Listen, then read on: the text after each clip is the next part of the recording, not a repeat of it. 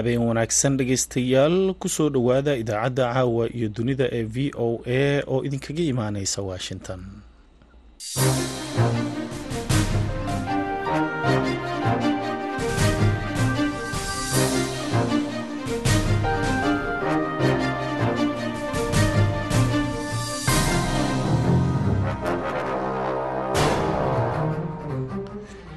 waa habeen khamiis ah bisha setembar ee sanadka laba kun iyo saddex iyo labaatankana waa toddobo.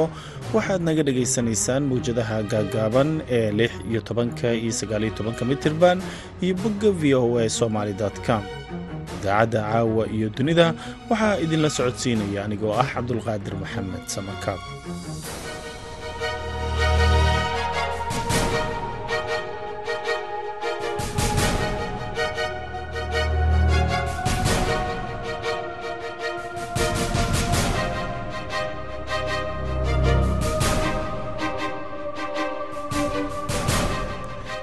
qodobada aad ku dhegaysan doontaan idaacaddeenna caawa iyo dunida ee v o a. Waxaa ka mid a waraysi ku saabsan booqashada ra'iisul wasaaraha soomaaliya xamse cabdi barre uu ku joogo magaalada dooxa ee dalka qatar.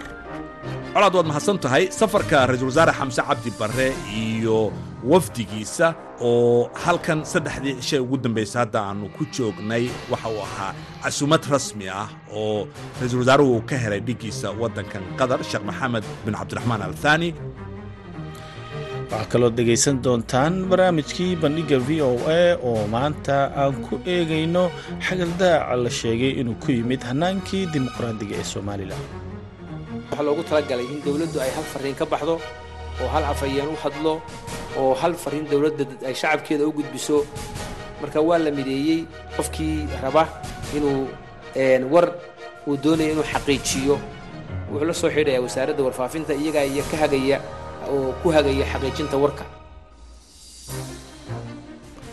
Qodobadaas iyo warar kale ayaan idin haynaa balse intaasoo dhan waxaa ka horreeya warkii dunida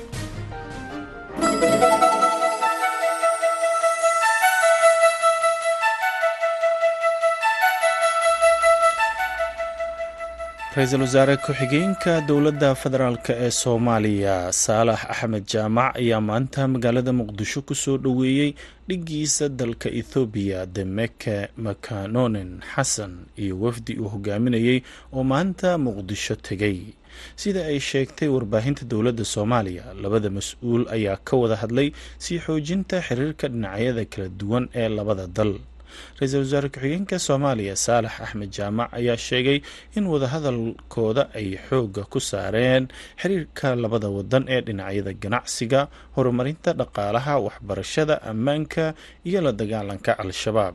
Dhinaca kale ra'iisul wasaare ku-xigeenka ethoobiya dameke makanon xasan ayaa ka mahad celiyey sida loogu soo dhoweeyey magaalada muqdisho wuxuu hoosta ka xariiqay sida dowladda ethoobiya ay uga go-an tahay sii wadista taageerada ay u fidinayso dowladda soomaaliya.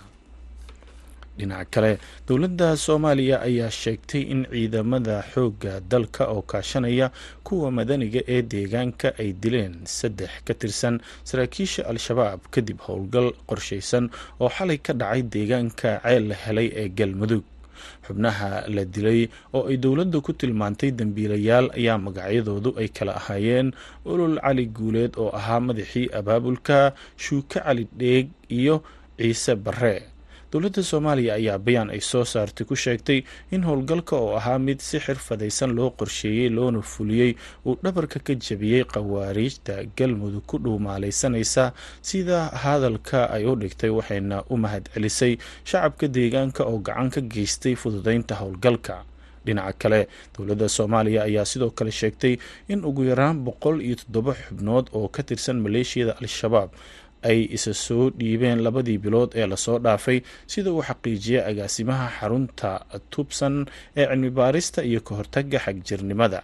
Cabdulaahi maxamed nuur oo horey u soo noqday wasiirkii amniga ayaa sheegay in xubnaha ay badankood iska soo dhiibeen dowlad goboleedyada galmudug jubbaland koonfur galbeed iyo hirshabeelle wuxuuna intaa ku daray in xubnaha isa soo dhiibay ay isugu jiraan carruur aada u da-yar oo la askareeyey dad dhalinyaro ah oo ka mid ahaan jiray maleeshiyada kooxdaasi haween iyo horjoogayaal sarsare wuxuuna sheegay inay mari doonaan habraaca dadka isa soo dhiibayaasha ah ee ka tanaasulay fikradaha xag jirka ah isagoo kuwa kalena ugu baaqay in ay ka soo baxaan amiirka dalka qatar sheekh tamiim bin xamaad al tani ayaa khamiista maanta ah arrimaha ku soo kordhay dalka colaadaha ay ragaadiyeen ee suudaan. Kala hadlay taliyaha ciidamada dalkaasi cabdifataax burhaan oo booqasho rasmi ah ku tegay magaalada dooxa sheekh tamiim ayaa intii uu socday kulankii uu la qaatay cabdifataax burhaan mar kale ku celiyey baaqa qatar ee ah in la joojiyo dagaalka suudaan islamarkaana dhinacyada ay isu yimaadaan isugu yimaadaan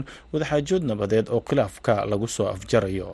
Jenaraal burhaan ayaa bogaadiyey taageerada qatar ay siiso dowladdiisa iyo shacabka suudaan booqashadiisa maanta ee dooxa ayaa noqonaysa tii saddexaad ee dibadda uu ku tago tan iyo shan iyo tobankii abriil markaas oo suudaan uu ka qarxay dagaalka dhimashada badan dhaliyey ee isaga soo horjeedaan isaga iyo ku-xigeenkiisii hore. Maxamed xamdaan daalo oo ah hogaamiyaha kooxda r s f ee sida milatariga u tababaran ka hor qatar burhaan ayaa booqday dalalka masar iyo soud suudaan jenaraalka ayaa hore u sheegay in ciidamadiisa ay ku dadaalayaan sidii ay uga adkaan lahaayeen dagaalka ay kula jiraan xogaga r s f si ay xasiloonida u soo celiyaan ugu dambeyntiina booliska gobolka tigray ee colaadaha ay ragaadiyeen ee ethoobiya ayaa xiray dacwadna ku soo oogay hogaamiyihii mucaaradka iyo taageerayaashiisa ka hor inta aysan dhicin banaanbax khamiista maanta ay qorsheeyeen. Sida ay qortay wakaalada wararka a f b oo soo xigatay qabanqaabiyaha mudaaharaadka iyo wariye maxalli ah isbahaysiga saddexda xisbi ee mucaaradka ayaa ku baaqay mudaaharaadyo looga soo horjeedo maamulka kumeel gaarka ah ee gobolka tigre ee uu hogaamiyo ururka t p l f kaasoo siyaasadda iyo xukunka ethoobiya gacanta ku hayay ku dhowaad soddon sano. Xaylu kabete oo ah sarkaal ka tirsan xisbiga salsai wayana ee tigre ayaa sheegay ayaa a f b u sheegay in ciidamada amniga ay xireen islamarkaana ay garaaceen oo ay kala eriyeen dad isu soo baxay. Wuxuu u sheegay ama uu sheegay in booliska ay xabsiga dhigeen ilaa lix iyo labaatan ruux tan iyo arbacadii kuwaasoo ay ku jiraan madaxii xisbiga oyana hayluga deve iyo hogaamiyaha xisbiga t i p dejen masgabe oo ahaa raggii dadka ugu baaqayay mudaaharaadyada ka dhanka ah maamulka t p l f wariye kale ayaana sidoo oo magaciisa qariyey ayaa a f b u sheegay in ciidamada ammaanka ay gebi ahaan baxireen fagaarihii lagu ballamay in mudaaharaadyada ka dhanka ah t b l f ay ka dhacaan. Dhageystayaal warkeenii dunidana waa nageynta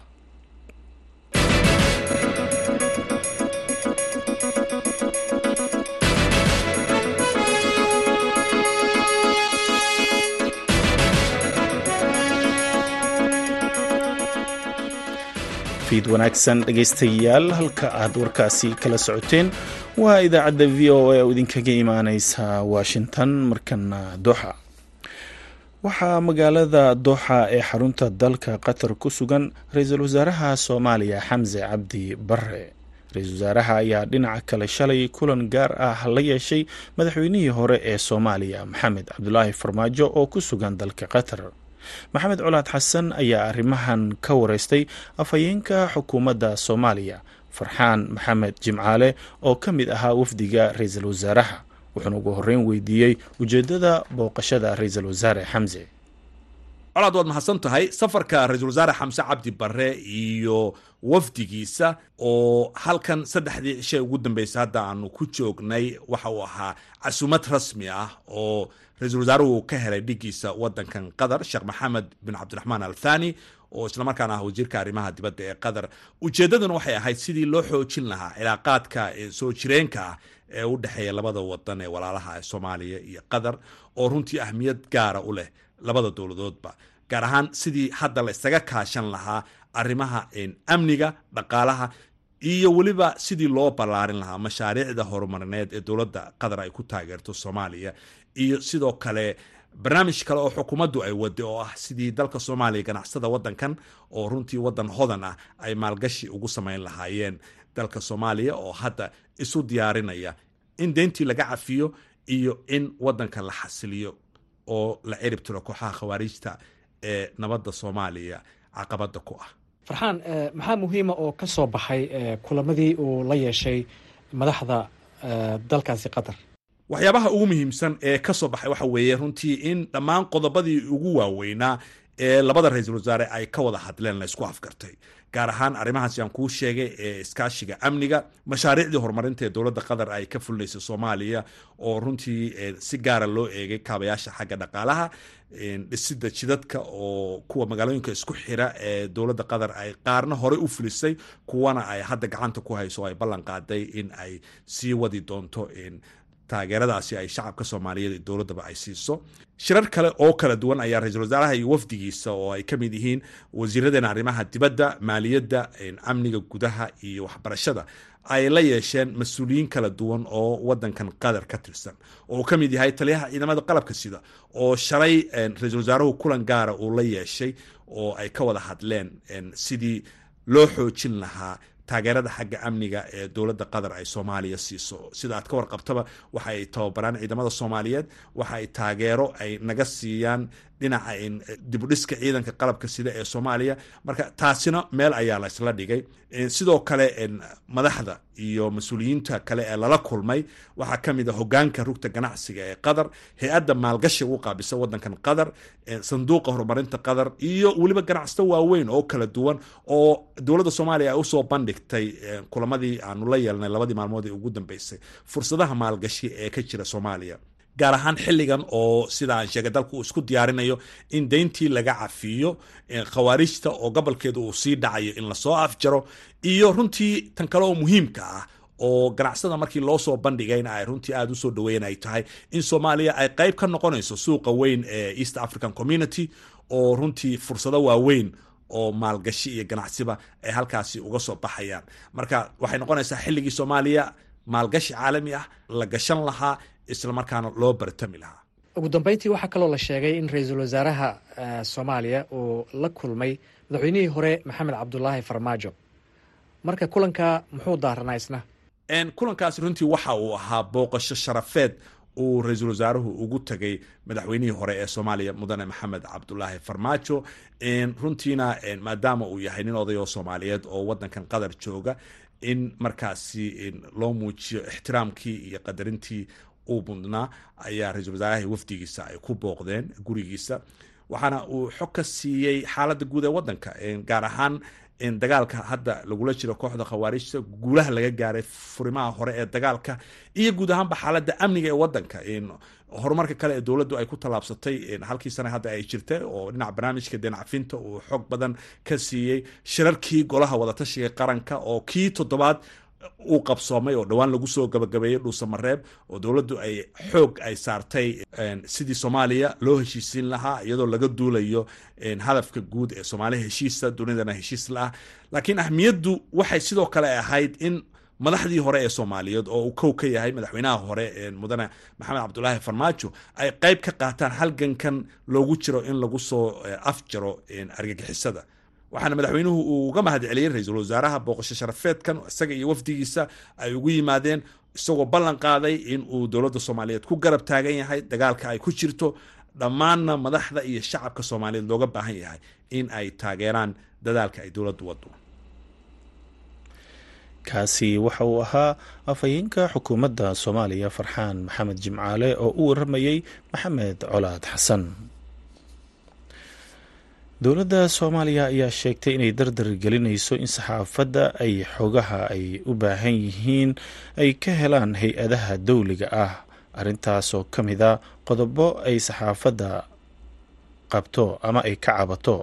Agaasimaha wasaaradda warfaafinta ee soomaaliya cabdulaahi xayir ducaale oo ku sugan magaalada nairobi ayaa kulamo la qaatay saxaafadda madaxa bannaan iyo kuwa caalamiga ah iyo weliba saraakiil ka tirsan dowladda kenya wariyaha v o eda yaasiin ciise wardheere ayaa arrimahaasi ka wareystay agaasimaha.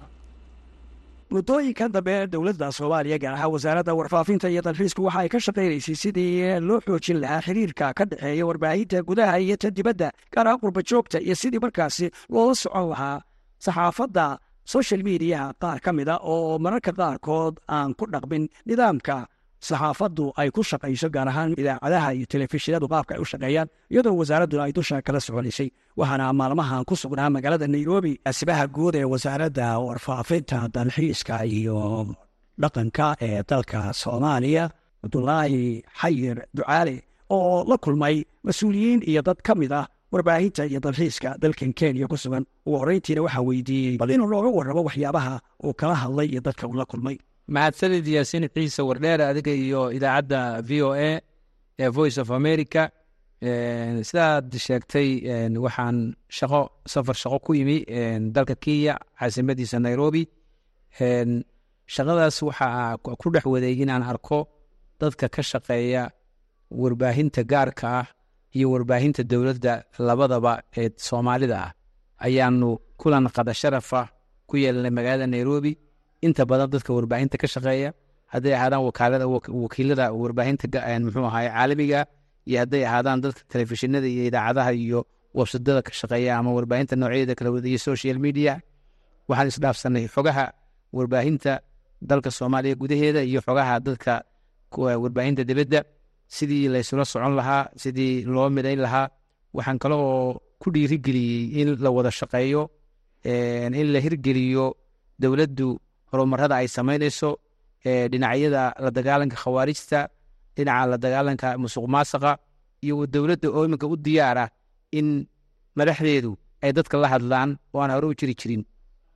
Waxaan aad ugu faahfaahiyey arrinta la dagaalanka khawaarijtu meesha ay marayso oo ah meel xasaasiya dalka in ay gabaabsi ku sii jirto oo hadda uu dhammaad yahay wejigii koowaad oo dhinaca dowlad goboleedka hirshabeelle iyo galmudug oo madaxweynihii uu goobjoog yahay oo uu dagaalka hogaaminayo dhuusamareebna muddo joogay kadibna uu maxaas habeenne u hoyday caawana uu ku hooyanayo magaalada aadan yabaal.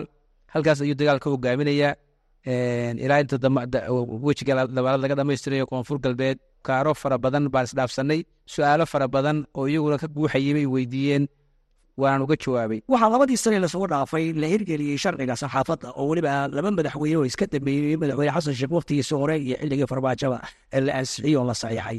Maxaa hortaagan inuu shaqeeyo sharciga saxaafadda? Maxaase ka hirgalay sharciga saxaafadda sharci lamar lix iyo labaatan oo teerankii hore ee madaxweynaha hadda doctor xasan sheekh maxamuud labada aqal ee baarlamaan ay ansixiyeen madaxweynuhu degreedo ku soo saaray kadib markii laisiri hirgeliya waxaa ka yimi muxuu ahaayey dad fara badan baa konseen ka muujiyey ama cabasho.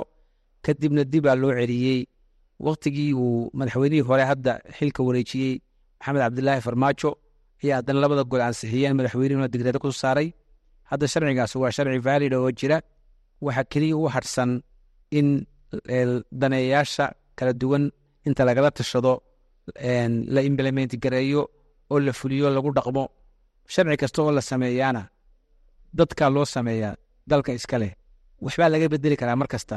Laakiin waxa nusqaan inagu noqonaysaa laba madaxweynaha sharcigii saexay laba baarlamaan oo kala duwan baa ayaa ansixiyey laba madaxweynaha degreeda ku salaamay. Haddana dib baa loo celiyey mar saddexaad taasu nusqaan bay ku tahay dowladnimadeenna iyo dadnimadeenna marka waxaan jecel lahay dadka ka shaqeeya saxaafadda ee cabashooyinka ka qaba. Horta marka hore in sharciga la hirgeliyo kadibna wixii ka soo baxay cabasho ah amitment lagu sameeyo ama baarlamaanka la horgeeyo oo wixii betishina lagu sameeyo. Waxaanan wasaaradda warfaafinta dhaqanka dalxiiska madaxdeeda sare wasiirada iyo maamulka wasaaraddaba ku dadaalayaan sidii sharciga loo hirgelin lahaa ee intaan sanad ku dhammaan. Ugu dambeyntii waxaa mararka qaarkood soo baxa warar u baahan in wasaaradda laga xaqiijiyo oo ama saxaafadda caalamiga ha noqoto ama midda gaarka loo leeyahay. Fursadahaas sidee loogu fududayn karaa marka ay dagaalna dalkii uu ku jiro wararkana la rabo in laysku qiyaaso waa su'aalo wanaagsan dowladda xafiiska madaxweynaha iyo xafiiska ra'iisul wasaaraha iyo xafiisyada kale ee ku shaqada leh arrimaha communicationka ama warbaahinta arrimaheeda. Waxaa loo sameeyey xafiiska g z o ama xafiiska fariinta mideynta ee dowladda. Xafiiskaas waxaa loogu talagalay in dowladdu ay hal fariin ka baxdo oo hal afhayeen u hadlo oo hal fariin dowladda ay shacabkeeda u gudbiso caalamkana ay hal fariin u gudbiso. Marka waa la mideeyey qofkii raba inuu war uu doonaya inuu xaqiijiyo ama warbaahinta gaarka ha u shaqeeye ama warbaahinaha dowladda ha u shaqeeye ama warbaahin caalamiya ha u shaqeeye wuxuu la soo xidhaya wasaaradda warfaafinta iyagaa iyo ka hagaya oo ku hagaya xaqiijinta warka adayo dubaasada kaasi wuxuu ahaa agaasimaha guud ee wasaaradda warfaafinta iyo dalxiiska ee dalka soomaaliya cabdulaahi xayir ducaale oo aan kula kulmay magaalada nairobi. Wardheere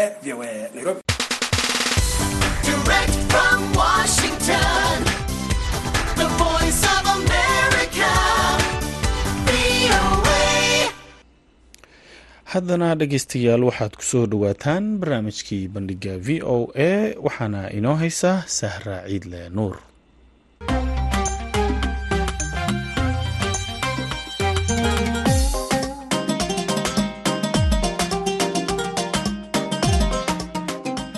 Kulan waxaanu wanaagsan dhegaystayaal kula soo dhowaada barnaamijka bandhigga v o a toddobaadkan oo aanu ku eegayno xagaldaaq la sheegay inuu ku yimi nidaamkii dimuquraadiga ahaa ee somalilan somalilan waxay muddo labaatan sannadood ka badan ku soo dhaqmaysay nidaam dimuquraadiyadeed oo ay doorashada ka qayb galaan xisbiye ay ka soo baxaan madaxweynayaasha mudanayaasha golaha wakiilada iyo deegaanka. Waxaa marar badan la qabtay doorashooyin hannaanka qof iyo cod dadweynuhu ugu codeeyeen. Caalamkana laga ammaanay taasoo ay ugu dambaysay labadii doorasho ee isku lamaanaa ee la qabtay bartamihii sannadkii labadii kun iyo koob iyo labaatankii. Sidoo kale somalilan waxaa lagu ammaani jiray in murannada siyaasiga ah si fudud loo xalliyo iyadoo aanay cid dibadda kaga timi soo dhexgelin amaba aanay dhexdhexaadin. Balse markan xaalku sidii hore wuu ka duwanaa. Khilaafka iyo ismariwaaga u dhexeeya xukuumadda iyo mucaaradku wuxuu keenay in maleeshiya beeleedyo hubaysan ay ammaandarre ka ridaan deegaanada qaar kuwaasi oo la sheegay inay ka soo horjeedeen habraacii muddaynta xilliga doorashooyinka ay dhacayaan ee ay guddiga doorashooyinka hore u soo bandhigeen iyagoo u asteeyey in doorashada ururadu ay soo horrayso halkata madaxtooyaduna ay sannad ka dambaynayso. Xaaladda oo sidii iskugu murugsan ayay dhowaan guddi odayaalihii dhexdhexaadin ka galeen arrimaha laysku mari la'yahay. Waxaanay soo saareen qodobo dhowr ah oo ay ugu weynaayeen in labada doorasho ee ururada iyo madaxtooyada isku mar la qabto. Jabhadda buurta gacanlibaax gashayna la soo dejiyo diyo ama magdhowna laga bixiyo askartii ay jabhaddu laysay iyo qodobo kale. Dhinacyada siyaasadda qaar ka mida ayaa markiiba soo dhoweeyey oo qaatay halka ay kuwo kalena weli diidan yihiin. Ururada cusub ee aan weli tartanka gelin ayay qaarkood ka soo horjeedaan iyagoo sheegay inuu arrimahan oo kale ay khatar ku yihiin dastuurka iyo xeerarka sharciga ah haddaba sidee ayay somalilan ku soo gaadhay xaaladdan maxaa keenay in dimuquraadiyaddii labaatan jirsatay ay kori weydo oo ay hoos u liicdo? Maxaa isku maray nidaamka qabaliga ah iyo ka dimuquraadiga amuurahaasi iyo kuwo kale ayaynu ku lafaguraynaa. Barnaamijkeenna bandhigga v o a ugu horreyn garyaqaan guuleed axmed jaamac oo ku magac dheer guuleed dafac ayaa sharaxaya meelaha ay wax ka qalloocdeen. Somalilan wax weyn oo qurux badan oo mucjiso ah bay dhisatay. Dadaal weyn bay samaysay. Dagaal bay ka soo doogtay. Dowladnimay dhisatay. Dimuqraadiyad ay iyadu leedahay oo iyadu la timi ayay ka shaqaysatay. Nabadeedana way xoojisay. Guuladow dadka badankiisu waxay ku doodayaan in bilowgii dimuquraadiyaddu ay si wanaagsan hana qaaday ururadii ugu horeeyey iyo golayaashii ugu horeeyeyba aan dadku si toosa qabyaaladu waxba ugu soo dooranaynin. Laakiin marba marka ka dambeysa ama doorashaba doorashada ka dambeysa qabyaaladu ay saameynta ugu weyn ku leedahay. Maxaa sababaas leedahay?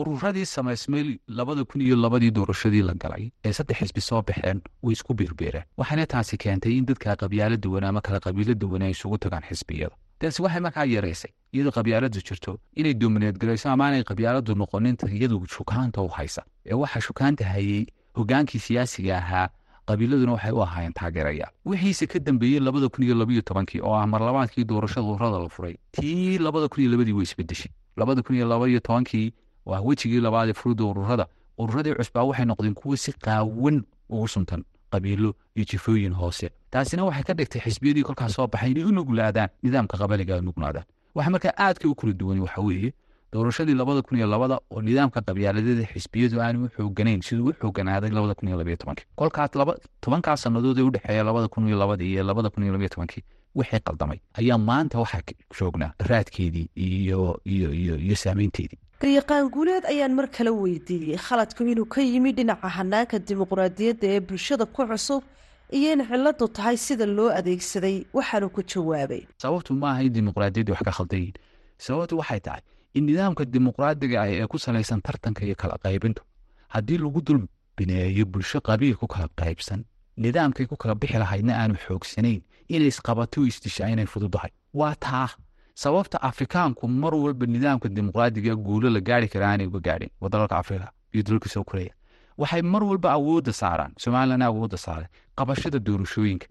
Laakiin awoodda lama saarin wax ka beddelka dhaqanka siyaasiga wacyiga iyo aqoonta oo bulshada kor loo qaado midnimada oo la xoojiyo bulshada rayidka hoo la adkeeyo hay'adaha dowladyada dhexdhexaadkaah la xoojiyo isu soo dhowaanshaha iyo ka wada qaybgalka dalka oo laga shaqeeyo. Kuwaasaan awoodda la saaray marka kuwa awoodda la saaro ayaad helaysaa nidaam dowladeed oo tiirar adag leh oo foundationka iyo asaaska uu adag yahay oo marka dabaylaha siyaasadeed iyo duufaanada siyaasadeed ay kacaan aanu dalku dhaqaaqi karayn kolkaa u taagan yahay. Marka nidaamkan iyo gurigan dimuqraadiga aad dhisatay ma uu adag yahay? Marka khilaaf siyaasadeed xoogan inuu yimaado inuu iska celin karo taas weeyto afrika ka gaabinaysa aan awoodda la saaraynin. Waxa markaa taagan baa awoodda la saarayo saaga doorashaha la galo. Laakiin awoodda lama saarayo doorashooyinka waxyaabahan ay keenayaan in wax laga qabto. Maxamed saleebaan maxamed oo ku magac dheer maxamed saleebaan weyne oo ah siyaasi xilal wasiirnimo hore uga soo qabtay somalilan balse haatan ka tirsan ururada cusub gaar ahaana ururka horseed ayaa tilmaamay inay arrintani salka ku hayso xisbiyadii hore oo hab qalabeliya isku dhigay iyo siyaasiyiintii hogaaminaysay ee mucaaradka iyo muxaafidkaba lahayd oo muran aan macno buuran lahayn wakhtiga ku riday.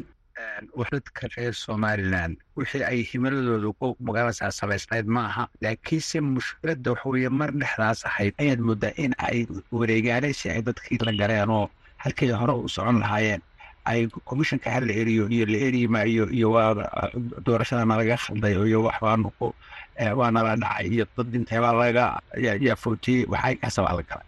Haddaba waxaan ku sheegayaa mushkiladda somaliland ka taagan maaha mushkilad habeen iyo dharaar dhexdeed ka bilaabatay waa mushkilad aad moodo dadkii madaxda ahaa in aanay dhinacay u socdaan iyo siday dadka u wadaan midna aanay garanaynin oo ay isku wareegaysanayaan waxa aad ogeyd in aan laba sannadood iyo afar bilood aanu ku murmeynay commissionka kaa la eriyo halka wax nagaga bilaabmeen horta waa halkaas waa meelahaas oo kale.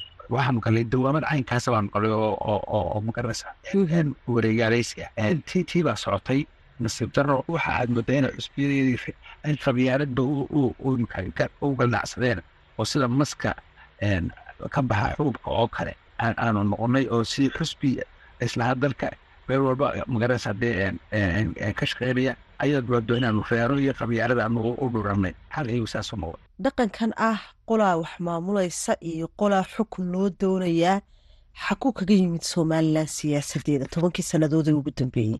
Dadka reer somalilan waxay victim u yihiin nimanka siyaasiyiinta ah anigu nin weyn baan ahay oo maan ogi meel reer si loogu heshiiyey iyo meel reer ku heshiiyeen iyo meel reer looga heshiiyey hase yeeshee nimanka siyaasiyiinta ah ayaa dadkooda isle ku kasbada ama ama taageero oo waxay doonayaan garan maayo. Laakiin iyagaa sidaa dadkii ka dhigay iyagaa dadkii reer hebel ka dhigay sidaasaa laga dhigay madaxdiisii baana saa marka haddii sidan wax ku sii socdaan sidee lagu xallin karaa baad is leedahay? Maxayse tahay? Khatarta ka dhalan kartaa arrimuhu sidana hadeer yihiin laba arrimood oo aan isbarbar soconayn baa iskaya barbar socda labada arrimood oo iskaya barbar socdaa waxa weeye dowlad baanu doonaynaa noo shaqaysa oo dalka u shaqaysa oo wax qabata oo na hogaamisan u baahna. Marka aad sidaa u aragto waxaad s odhanaysaa way jirtaa dowladdii oo dowladdii waa khaldami kartaa oo ka khaldami karaa laakiinse sidii aanu u toosin lahayn haddii ayada wax ka khaldameen iyo sidii xusbiyada siyaasiga iyo ragga siyaasadda sheeganaya ay waxu wadaan labadiibaan iyaan isu noqonaynin marka parallely wasbarbar socdaan nasiib daradu waxa weeye anaga maanta marayna buuraha inaanu fuulo oo anaga wada hadalla ayaa ayaa ayaa ka wanaagsaneed nasiib darada kale jirtaa waxa weeye niman dhan madax dhaqameed baanu nahay oo dadka baan madaxu nahay oo alaadiid iyo iyo baanu nahay iyo madax dhaqameed baanu nahay. Habdhaqankii dowladeedba ka baxsan oo reer hebel baan ka maqan yihiin iyo reer hebel ba wax doonaya iyo waxa ay wala yimi. Markaa nasiib daro badan oo aygaas baa jirta waxaase u malaynaya maanta inaanu u baahnahay corrective measures ayaanu u baahnahay oo very drastic ah oo oo oo in wax la toosiyo ayaanu u baahannahay dadkuna waa sidoo kale guuleed dafaac ayaa isaguna sheegay in arrimo badan oo isdhex socda oo aan la iswaafajin ay keeneen muruga haatan taagan. Somaliland waxaa ka jira dhowr nidaam oo isdhex socda oo waxa afka qalaal lagu yihahdo plurality of systems. Habab kala duwan oo mararka qaarkood iskaaba mararka qaarkood tartama mararka qaarkood iska hor yimaada hababkaas maxaa ka mid a kow waa nidaamka qabiilka oo nidaam leh oo sharci xeero gaara leh oo haayado leh oo hafakar falsafadeedoo gaara tilmaan iyo aqoonsi lagu yaqaano leh ayuu qabiilku leeyahay uuna jiraa uuna taagay. Waxaa jira nidaamka diinta islaamka dadku muslimiinta yihiin oo iyana hafakirkeeda siyaasadda dhaqanka iyo aragtideeda leh oo dadkuna haystaan. Waxaa jira nidaamka dowladada casriga ah ee dibadda laga keenay galbeedka laga soo qaatay. Saddexdiiba meel bay wada joogaan. Lagamana doodin sidii laisu waafajin lahaa ama u dhaqaaqi lahaayeen hirdan baa kolkaa dhexdooda ka jira.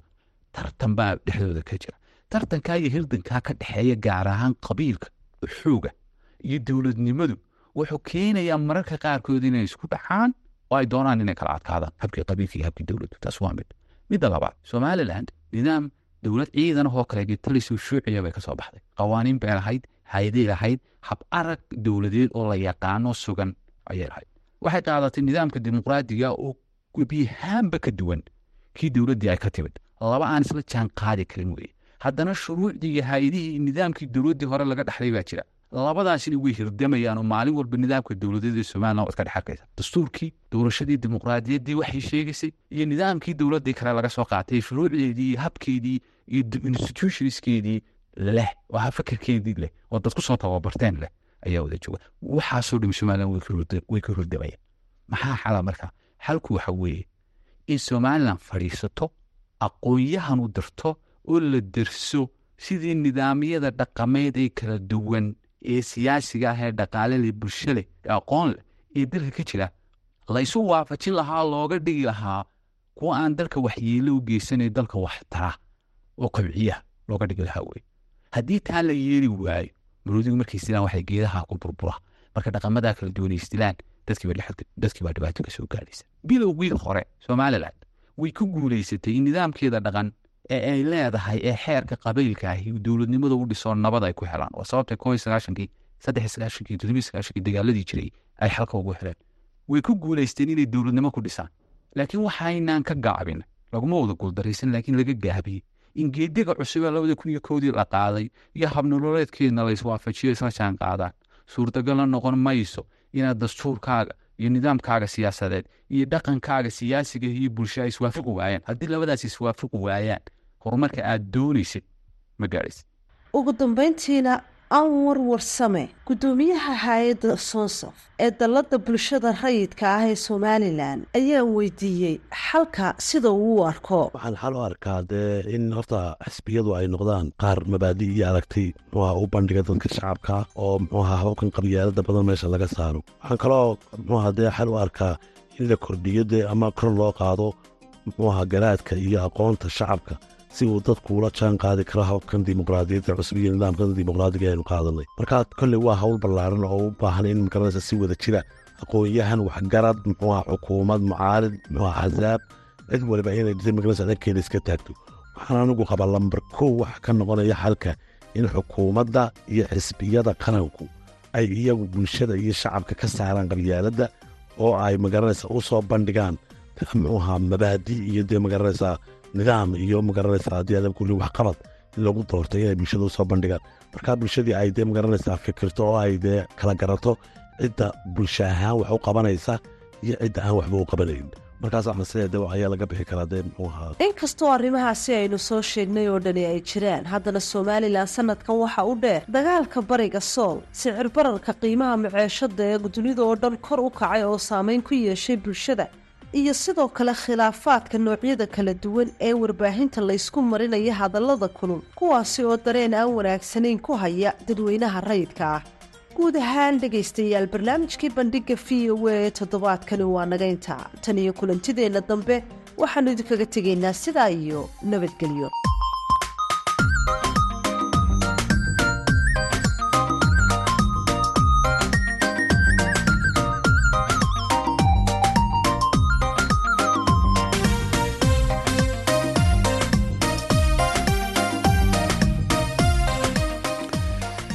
aaday u mahadsan tahay. Sahra ciidla nuur oo nala socodsiinaysay barnaamijkii bandhiga v o a. Weli waxaad nagala socotaan idaacadda v o a oo idinkaga imaaneysa washington. Sacuudi carabiya iyo ruushka ayaa talaadadii ku heshiiyey inay ilaa dhammaadka sanadkan sii wadaan. Dhimis ay ku sameynayaan waxsoo saarka saliidda heshiiskan ayaa suuqyada tamarta caalamka ka dhimaya hal dhibic saddex milyan oo barmiil oo saliid ceyriin ah maalintii taasoo sare u qaaday qiimaha saliidda. Warbixintan waxaa inoo haya ibraahim xasan daandorey go'aanka riyaad iyo moscow ayaa qiimaha halkii barmiil ee saliida waxa uu gaarsiiyey sagaashan dolar taasi u ah heerkii ugu sarreeyey tan iyo bishii nofembar ee sannadkii labada kun iyo laba iyo labaatankii tallaabada labada dal ayaa kordhin karta sicir bararka qiimaha shidaalka baabuurta. Waxaa sidoo kaleeto cadaadis cusub ay saari doontaa xiriirka sacuudi arabiya iyo maraykanka madaxweyne biden ayaa boqortooyada sacuudiga uga digay sannadkii tegey inuu jiri doono cawaaqib uusan faahfaahin oo ka dhalan kara in sacuudiga ruushka uu kula saaxiibo dhimista wax soo saarka. Xilli moscow ay dagaal ka wado ukrain hadalka sacuudi arabiya oo ay baahayso wakaaladda wararka ee dalkaasi ayaa waxaa lagu sheegay in dalka uu isha ku hayn doono suuqa uuna qaadi karo tallaabooyin dheeraad ah haddii loo baahdo. Dhimistan dheeriga ah ayaa waxaa loo sameeyey si loo xaqiijiyo dadaalada taxadirka ah ee dalalka soo saara saliidda iyadoo ujeeddaduna ay tahay taageeridda xasiloonida suuqada saliidda ayaa lagu yidhi qoraalka wakaaladda wararka ee sacuudiga ee s b a oo soo xiganaysay sarkaal aan la magacaabin oo ka tirsan wasaaradda tamarta. Wakaaladda wararka ee dowladda ruushka ee taas ayaa iyaduna waxa ay ka soo xigatay alexander novak wasiir ku-xigeenka tamarta in uu yidhi moscow inay sii wadi doonto dhimisa saddex boqol oo kun oo barmiil maalintii go'aanka ayaa ujeeddadiisu ay tahay xoojinta dadaalada taxadirka ah ee dalalka obeg iyo kuwa kale ee soo saara saliidda oo ujeeddaduna ay tahay taageeridda xasiloonida iyo dheelitirnaanta suuqada saliidda ayuu yidhi novak. La taliyaha amniga qaranka ee maraykanka jack sullivan ayaa diiday in uu ka hadlo saameynta uu go'aankaasi ku yeelan karo suuqada inkastoo uu sheegay in saraakiisha maraykanka ay xiriir joogto ah ay la leeyihiin boqortooyada sacuudiga waxaa sidoo kaleeto sullivan uu sheegay in biden uu adeegsan doono wax kasta oo uu awoodo si uu markaasi u caawiyo shacabka maraykanka xiriirka sacuudiga ee washington ayaa xumaatan iyo markii la doortay madaxweyne joe biden bishii nofembar ee labadii kun iyo labaatankii. Biden ayaa ololaha doorashada waxa uu ku sameeyey ballanqaad ahaa in dhaxal sugaha boqortooyada sacuudiga maxamed bin salmaan uu ka dhigi doono go-doon sababo la xiriira dilkii labadii kun iyo siddeed iyo tobankii loo geystay jamaal khashoggi oo weriye ahaa.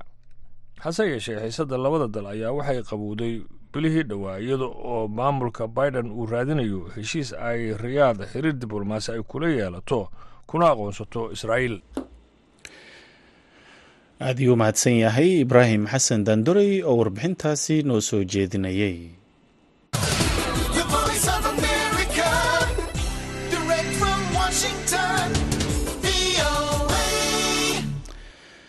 haddana waxaad ku soo dhowaataan xubintii wargeysyada iyo waxay qoreen waxa aynoo hayaa cabdixaafid cawil ismaaciil iyo cabdixakiin maxamuud shirwac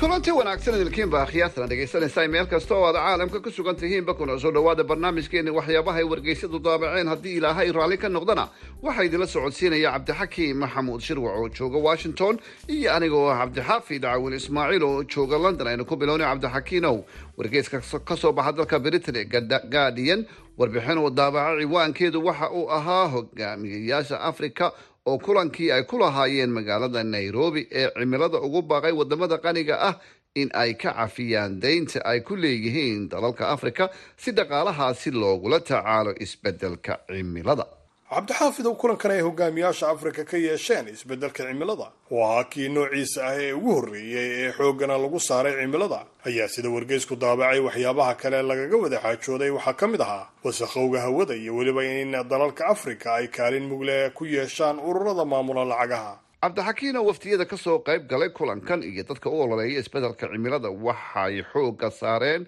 dhaqaalaha loogu baahan yahay ka hortagga isbeddelka cimilada oo ay sheegeen inuu ku baxo la qabsiga isbeddelka cimilada aan la isku halayn karin xilli ay qaaraddu wajahayso cimilo adag oo saameyn weyn ku yeelatay nolosha dadka iyo guud ahaanba noolaha gaar ahaana qaxitaan iyo cunto yarida oo sii kordhaysa. Cabdixaafidu sida wargeysku daabacay deegaano badan oo ku yaalla afrika. Oo waajaha daadada xooggan oo soo rogmada iyo weliba abaaro ba'an oo daba dheeraada iyo sidoo kale xiisado colaadeed oo ka taagan ayaa sida uu sheegay sarkaala ka qayb galaya waxa ay ka xun yihiin in aan xoogga la saarin waxyaabaha lagu soo saaro maalgashiga cagaaran oo hoos u dhacaya. Sida wargeysku daabacayna qaar ka mid a saraakiisha ka qayb galay kulankan ayaa sheegay in shirweynihii cimilada afrika ee ugu horreeyay abid uu ka soo baxay dhawaaq daciif ah oo aan ku filnayn waxyaabaha loo baahan yahay. Ayna caddahay in habdhaqankii gumaysigii hore uu sii wado inuu xukumo siyaasadda cimilada afrika cabdixakiino wargeyska ka soo baxa dalka britain ee the independent warbixinuu daabacay ciwaankeeda waxa uu uga dhigay madaxweyne putin oo doonaya inuu ciidamo ka qorto kuuba. Askartan ayaa la sheegay in la siin doono mushahar dhan laba kun oo dollar iyo jinsiyad ruush ah haddii ay ogolaadaan inay ka mid noqdaan ciidamo ka barbar dagaalama askarta ruushka dagaalka ukraine. Sida wargeysku daabacay askarta la qorto ayaa qoysaskoodana la siin doonaa dhalashada ruushka bilowgii toddobaadkan ayaa cabdixaafido sida wargeysku daabacay wasaaradda arrimaha dibadda ee kuuba ay sheegtay inay ka shaqaynayso shabakada makafayaala ah oo dad u tahriiminaysa si ay uga qayb qaataan dagaalka ukraine. Warkan ayaa soo baxaya sida wargeysku daabacay iyada oo ay toddobiyo toban qofa ku dhinteen. Tobannaan kalena ay ku dhaawacmeen weerar dhinaca cirka ah oo ruushku ku qaaday suuq ku yaalla magaalo ku taalla bariga dalka ukraine. Meydada lagu duubay maryo ayaa la dhigay goobta weerarka uu ka dhacay iyadoo shaqaalaha dabdamiskuna ay ku howlan yihiin bakhtiinta dab ka dhashay weerarkaasi. Intaasi ayaynu dhegaystayaal ku soo gabagabaynayna barnaamijkeeni waxyaabaha ay wargeysadu qoreen cabdixakiin maxamuud shirwac oo jooga washington iyo anigoo ah cabdixaafid cawil ismaaciil oo jooga london ayaana idila socodsiinaya tan iyo inta aynu mar kale kulmayno. Haddii ilaahay raalli ka noqdo cabdixakiim iyo aniguba waxa aanu idin leenahay sidaas iyo nabad gelyo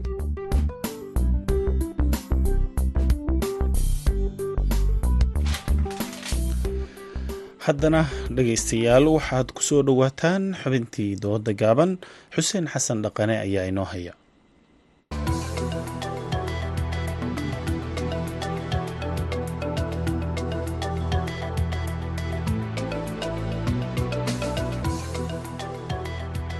Horumarka laga gaaray dhinaca aqoonta beeraha waxaa isbedelay qaabkii hore ee waxbeerashada laakiin waxaa jira dad weli aaminsan in wax soo saarka beeraha dalka uu qayb ahaan hoos u dhac uu ku yimid marka loo eego sidii uu ahaan jiray iyagoo u sababaynaya qaabkii hore oo laga guuray. Haddaba caadadhaqameedkii hore ee waxbeerashada iyo farsamooyinkan cusub keeba u wanaagsan wax soo saarka dalka. Waa xubinteenna dooda gaaban waxaa toddobaadkan igu marti ah cabduqaadir aadan maxamed oo loo yaqaano carbuudo oo ka mid ah beeraleyda beledweyne iyo cabdulaahi cali faarax guddoomiye ku-xigeenka iskaashatada beeraleyda aaran hadalka waxaa ku horeynaya cabduqaadir aadan. Horto waa ogtahay wadanka waagii hore? Waxaa jiri jirtay ay sheegeen waxaan dhibaatadan oo wadanka jadka juhdiga maraan ma jiri jirin. Ilaahay maqaadana tahay wadanka waxaa jiri jiray barwaaqo iska ahaa jiray waxaan kimikadan iyo abuurkan oo wadanka dibadda laga keenaa ma jiri jirin. Beeraha way iska bixi jireen. Xitaa iyadoon la falin oonan la waraabin ayay iska bixi jireen baryoodaa la dhihi jiray. Dalagaas ilaa laba sano ilaa saddex sano abaara la iska isticmaali jiray. Wax oo dhibaataa iyo ma jiri jirin. Dadkana wakti kama geli jirin.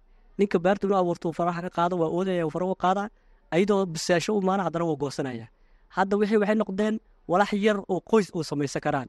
Aniga boqolkiiba boqol waxaan aaminsanahay dalaga kii hore ayaa aad u fiicnay waa mahadsan tahay. Cabdulaahi adiga horta hadda waxaa loo gudbay wax leedaha digital oo in macnaha beerihii loo fasho hab casriya walaalkii waa runtiis beerihii hore waxaa la gelin jiray macnaa wax juhdi lama gelin jirin laakiin beeraha maanta waxaa la geliyaa juhdi waxaa la geliyaa aqoontii dadka caada dhaqameedka hore waa ka soo guureen. Maanta wax oo digital ah oo aad u qurux badan oo tayala iyo tiro wanaagsan oo caafimaadka qofkana u wanaagsan yahay ayaa la soo saaraa. Beeruhuna sidooda waa warshada bixisa cuntooyinka dunida waana wax maxaan ku leedahay waxay xiriir dhow leeyihiin xadaaradaha dunida ka jiro beerta maanta aad tacabka wanaagsan aad gelisid oo cuntadooda hadda waxay noqonaysaa cunto quality control ah oo wanaagsan oo dadka xataa ana caafimaadkooda xataa waxba u dhimaynin oo caafimaad wanaagsan ka soo saarayso ay ahayd. Laakiin tii hore waxaa moodaa in layska bakaaraysi jiray god layska gelin jiray iska qurmi jirtay. Eh, laakiin hadda wax taya leh aa dadka loo sameeyaa waana casriga cusub iyo aqoonta hadda cusub aad keenayso waa maasanta cabdulahi cabdiqaadir waa maqlaysaa cabdulahi waxa uu leeyahay eh, sidii hore ay dadku wax u beeri jireen qaabka hadda ayaa ka wanaagsan. Haye maku muuqdaa Ah, maya xusano iima muuqdaan. Walaalkii waa ku mahsan yahay horta fikirkiisa laakiin iima muuqdaan. Waxayna sababaha igu muuqdaan kuu sheegaya. Walaalkii wuxuu een, caafimaad darra ka dhex bakaana la gashi jiray waa jiri jirta waa sax waa jirtaa laakiin hadda ma cudurrada ma hadday badan yihiin mase markii horey badnaayeen. Su'aashaas waa inaan in hoos u galno waa fiican tahay. Taas taasaan ka leehay walaalka wuxuu yidhi hadda casri aa loo gudbo oo waxaa la soo saara wax soo saarkii hadda cagafyo waxbaa yimid hadda cagaftii ha timaado ninka markuu beer uu boqol hektara ama nii sheeg boqol tacab ka soo qabo meeshan tacaba laga yaqaanaa boqol tacab markuu tacbo wuxuu geliyey cagaf oo geliyey wuxuu geliyey shidaal oo geliyey yuurey oo gashay shaqaal oo gashay. Markuu soo go'o dalagii raqiis uu noqdo. Muxuu ka helaa ilaa ninkii qarasha ugu jiroba in waxa la yaaba inuu lafiisa ka helimo wuxuu bakaara iska dhaafa xitaa gurigiisa wuxuu geeyey inuu deyntii lagu lahaayo loo kala qataab laga yaabo laakiin waagii hore waxaa jiri jirtay ninkaana waxba kama gelin waraab kama gelin shidaal kama gelin dhowrimaad ma ka gelin hadoo ala ku diidin xitaa waa iska bixi jirta ninkaas marka waxaa laga yaabaa wax yar wax iska gadan kara easy wax ku heli jiray laakiin hadda waxay noqotay wixii adi qarash la daba joog. Hadda ka soo qaada tusaale ninka wuxuu yiri walaalkay casriyaa loo gudbay ninka had ugu badan oo amuqo taajirsan boqol tacab ma maalgeli karin halka nin waagaas waxaa laga yaaba laba boqol tacab inuu keligiis uu asiga abuuro karay shaqaalo kaysana waa falnaa bas waa ka tegaa waxa bacba kama geli jir aniga marka waxaan aaminsanahay casrigii hore ayaa boqolkiiba boqol ayaan aaminsanahay because cuduradan hadday nagu badan waagi hore cuduradan waa yarahay dadkaas masigada dadkaasaa la cuni jiray hadda wadanka waxa la keenaa ama sumta la keenaa ama kiimikada la keenaa beri waa buga dareemo. Beerta fasalka markaa tacabsid fasal haddaad ku cersid tayadii tayo ka yara dhalay ama cagafay ama buufi khayar adaas kale adoo xitaa natrigin xitaa shidiga ka soo qabo marka aniga boqolkii hore waxaan aaminsanahay taageersanahay tayadii hore ayaa aad noogu wacneed. Ay cabdulaahi maku muuqataa cabdiqaadir sida uu leeyahay oo ah in wax soo saarka markii hore uu ka wanaagsanaa midka hadda dalka ka jira. Walaahi fikirkiisa waa soo dhaweynaa muxuma laakiin muhiimadda waxay tahay boqol tacab maanta waxaa ka tayo badan afar tacab oo maxaan ku irahdaa aa ku samayso waxyaabo qurux badan oo tayo leh. Beerihii waa weynaayo layska tacbi jirin hadda waa laga tegey oo hadda waxaa loo baxay waxa green house oo adiga afar mitir laba mitir waxay ka soo saari kartaa ama aa ka kaysan kartaa cuntada adduunka ugu tayada wanaagsan. Waana sameynaa qaarkood inta nagala qaada waxaa la geeya magaalooyinka nairobi waxaa lagu sameya waxa shaybaar shaybaarkaasna waa laga guuleystay. Dadka horentana cudurro waxay u badnaa jireen beerka ku dhaco waxaana sababa cudur bakaarta ee kentole aflatoxin. Dadka hore kuma baraarugsanin masagadan meelaa laiskaga gelinaa dhowr sana iska maqlaana cidda waa guuri diba haddana loo soo faagaa ilmihii waxaa la siinaa cuntooyin aana tayo wanaagsaneyn oo beerka ka asiibaya cagaar shoog iyo kow iyo ka yihiin marka anigu waxaa is leeyahay mar kastaba waxaa wanaagsan oo qurux badan tacabka maanta jiro wuxuu boqol mar ka fiican yahay kii horenta haye cabdiqaadir maya waa walaalkii waa ku baahsan yahay ii sheeg tayadaas hadaala ku diidin ee uu hadda sheegayo iyo shaybaarkaas. Waxaas hadda iima muuqdaan aniga because waxayna igu muuqan waxaa waaye green housekaas waa waa qoys waaye cabdinaa nikliya xuseen marka runta laysku sheegay green house waxay hadda dadka siimayaan waa qoys waaye anaga hadda waxaan rabnaa wadanka waxaan ka soo saarnay inaan dibadaha aan gey karno because waxa waaye ninkaa green house oo dhigay green house ka waday aan afartan afartan mitir ama boqol mitir ka badan ma maalgeli kariyo laakiin waagi dadka hore waxay samayn jireen dhulka intaartaas ka tacba jirtay adiga tabartaadii ku soo celinaa jirta laakiin hadda green house waxaad ka bixisay wadanna ma gey kartid adiga noloshaadii mama mutakafi maba ka dhigi kartaba because waxaynu uga dhigi karin waxaad soo saaraysid hadday badan yihiin waxa maxaa kaa galay? Maxaase adiga kugu galay? Waxaad ninkaas laba kun oo dolar saddex kun dolar marka la geeyo. Tayadii wixii uu gado ma noqonaysa hadhow lafihi ma u noqonaysa waxaynu u noqonayna waxaa ka mid ah ilaa meeshan qarash ayaad gelisay. Qarashkaad gelisay ma iskeenaya waa lafihi miskabaya waxaan waxaad u tacabaysa ama garino hoos geli ama kushiimo geli ama cagaf geli. Waxaad gelinaysa waa in wax ka heshay ahayd. Laakiin hadda wixii waxaad ka helaysaa lafihiiba la ekaanayo adiga marka meesha inay faa'iida ka soo saartaa rabto mogta laakiin waddanka hore faa'iida iska ahaydbu ninka laba boqol laba boqol shan boqol oo kiisha u soo baxayd boqol kiisha hadduu uu- maxaa ku sheeg wax deeminka siga baxshan laba boqol oo kiisha u saari ama waa bakaari jiray ama baqaar iska dhiga jiray wuxuu rabona ku samaysan jiray. Marka laakiin hadda walax gerin hoos laga sameeya xuseenow wax adiga mana- manafacaad badan inay lahayn saasaan aaminsanahay. Hay cabdulaahi walaalkay fikirkiisa ma xumo laakiin mar kastaba waxaa muhiima waxa maanta jiro oo dunida way hormartay. Shalay waa laga soo gudbay waxaa la joogaa maanta. Waxaa la joogaa tacab. Maanta haddii la fiiriyo casri ah waxyaabaha ka goya hadda dadka beeraleyda intooda badan waa tashadeen waxay sameyseen midow ay samaysteen oo iskaashitooyin la yihahdo iskaashitooyinkii eh, hay'adaha adduunka ugu caansan oo cunada adduunka waxay samaysay tababaray siisay Waxay ka saaciday qalabkii ka saaciday. Waagi hore ninkan qalab maba jirinba beer xareedo iska tacbanaa maxaan ku iradahay wuxuu iska samaynaa yacni ma lahaa jirin tayo wanaagsan laakiin maanta qofka waa la tababaray cilmi ku filna la siiyey jaamacadaha waxay bixiyaan maxaan ku iradahay baarahay bixiyaan waxa ku takhasusay. Micnihii qofkaasoo beertu waxay tahay fahamsan qarashka ka gala fahamsan uu maanta ku socdaa waana digitalka keenayo laakiin wixii hore meel laga raaca maba taas aniga aaminsanahay. Cabdiqaadir waxaad tiri waxaa jiro cudurro badan oo wax soo saarka sanadahan dambe dhaawacay oo aanan la arki jirin eh, xiliyadii hore. Adiga aragtidaada iyo intaad khibrad u leedahay dhinaca beeraha maxay kula tahay waxaa sabab u ah? Een, xuseen waa mahadsan tahay waxaa wa- sabab u ah wadanka waagii hore abuurka annaga wadanka nooga bixi jiray. Abuurka xitaa waxaa la samayn jiray beerta markay ku bixayso abuurka mid kuwa fiican lala bixi jiray meel baa la dhigi jiray. Waxaa la dhihi jiray kan badarkan waa kii abuurka kanna waa kii cunimada oo isticmaalka. Hadda waxaa yimid abuuradii dibadda laga keenaya dibaddii marka laga keeno abuurkii wuxuu samaynayaa sanadka wadanka marka lagu abuuro wuxuu samaynayaa ii sheeg sanadka dambo asigii tayaxuma ku imaanaysa. Wixii wax kiimika ku jirto waay anaga waagii hore kiimika maanan aqoonin. Hadda markaad ka soo qaado tusaale qaadato sheyga aad adiga sanadkan aad sunta beerta aad ku buufisay sanadka dambe marka la gaaro cayaanka meeshaas sunti lagu buufishay ka dhashay sunti waagii hore ma dili karto waxayna u dili karin waxa waaye wuu la qabsanaya systemkaas wuxuu la qabsanayaa oo nolosha meeshaas taaluu la qabsanaya hadduu la qabsadana waxa keenayo inuu asiga waxba iyo meeshii wax ka tari waayaan aniga marka abuuradan hadda dibadda loo keenaa inta badan aan is leeyahay waxay wataan cudurrada ayagayba ku jiraanba ani saasaan aaminsanaha Ah, haye cabdulaahi eh, walaaca uu muujinayo cabdiqaadir maku muuqda?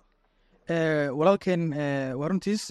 Anaha waanu soo dhaweynaa fikirkiisa laakiin cudurrada waagaas ma la ogaan jirinba cudurka markaas ka dhasha beerta lama ogaan jirin. Waxaa lagu ogaan karin dadkii cilmi saasa ma lahayn aqoontii ay u lahaayeen beerahan waa yare laakiin maanta wax walbo daawadan oo hadda laga keena dibadda side effect way leedahay.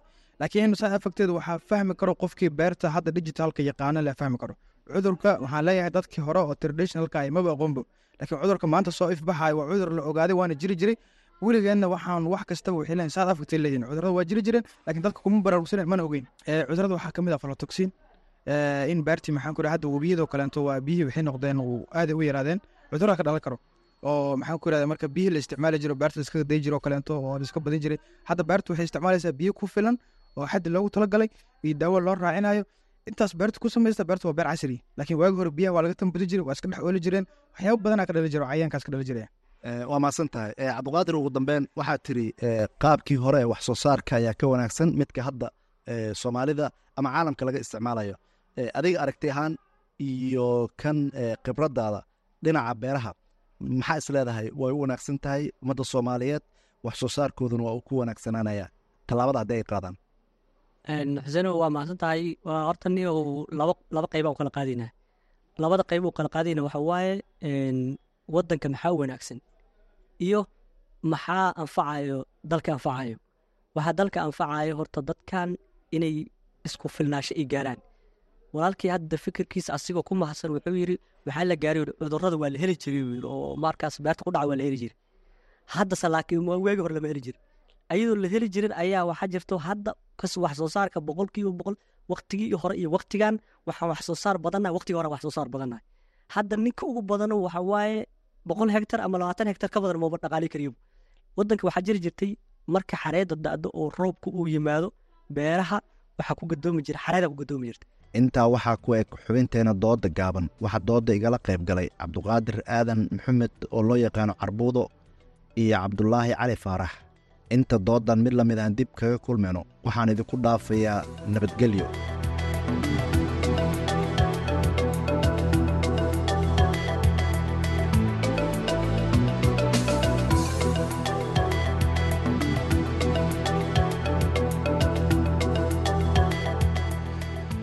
aad iyu mahadsan yahay xuseen xasan dhaqane oo nala socodsiinaya xubintii dooda gaaban. Haddana dhegeystayaal waxaad ku soo dhowaataan kaalmihii heesaha iyo codkii maxamed sulaymaan tube.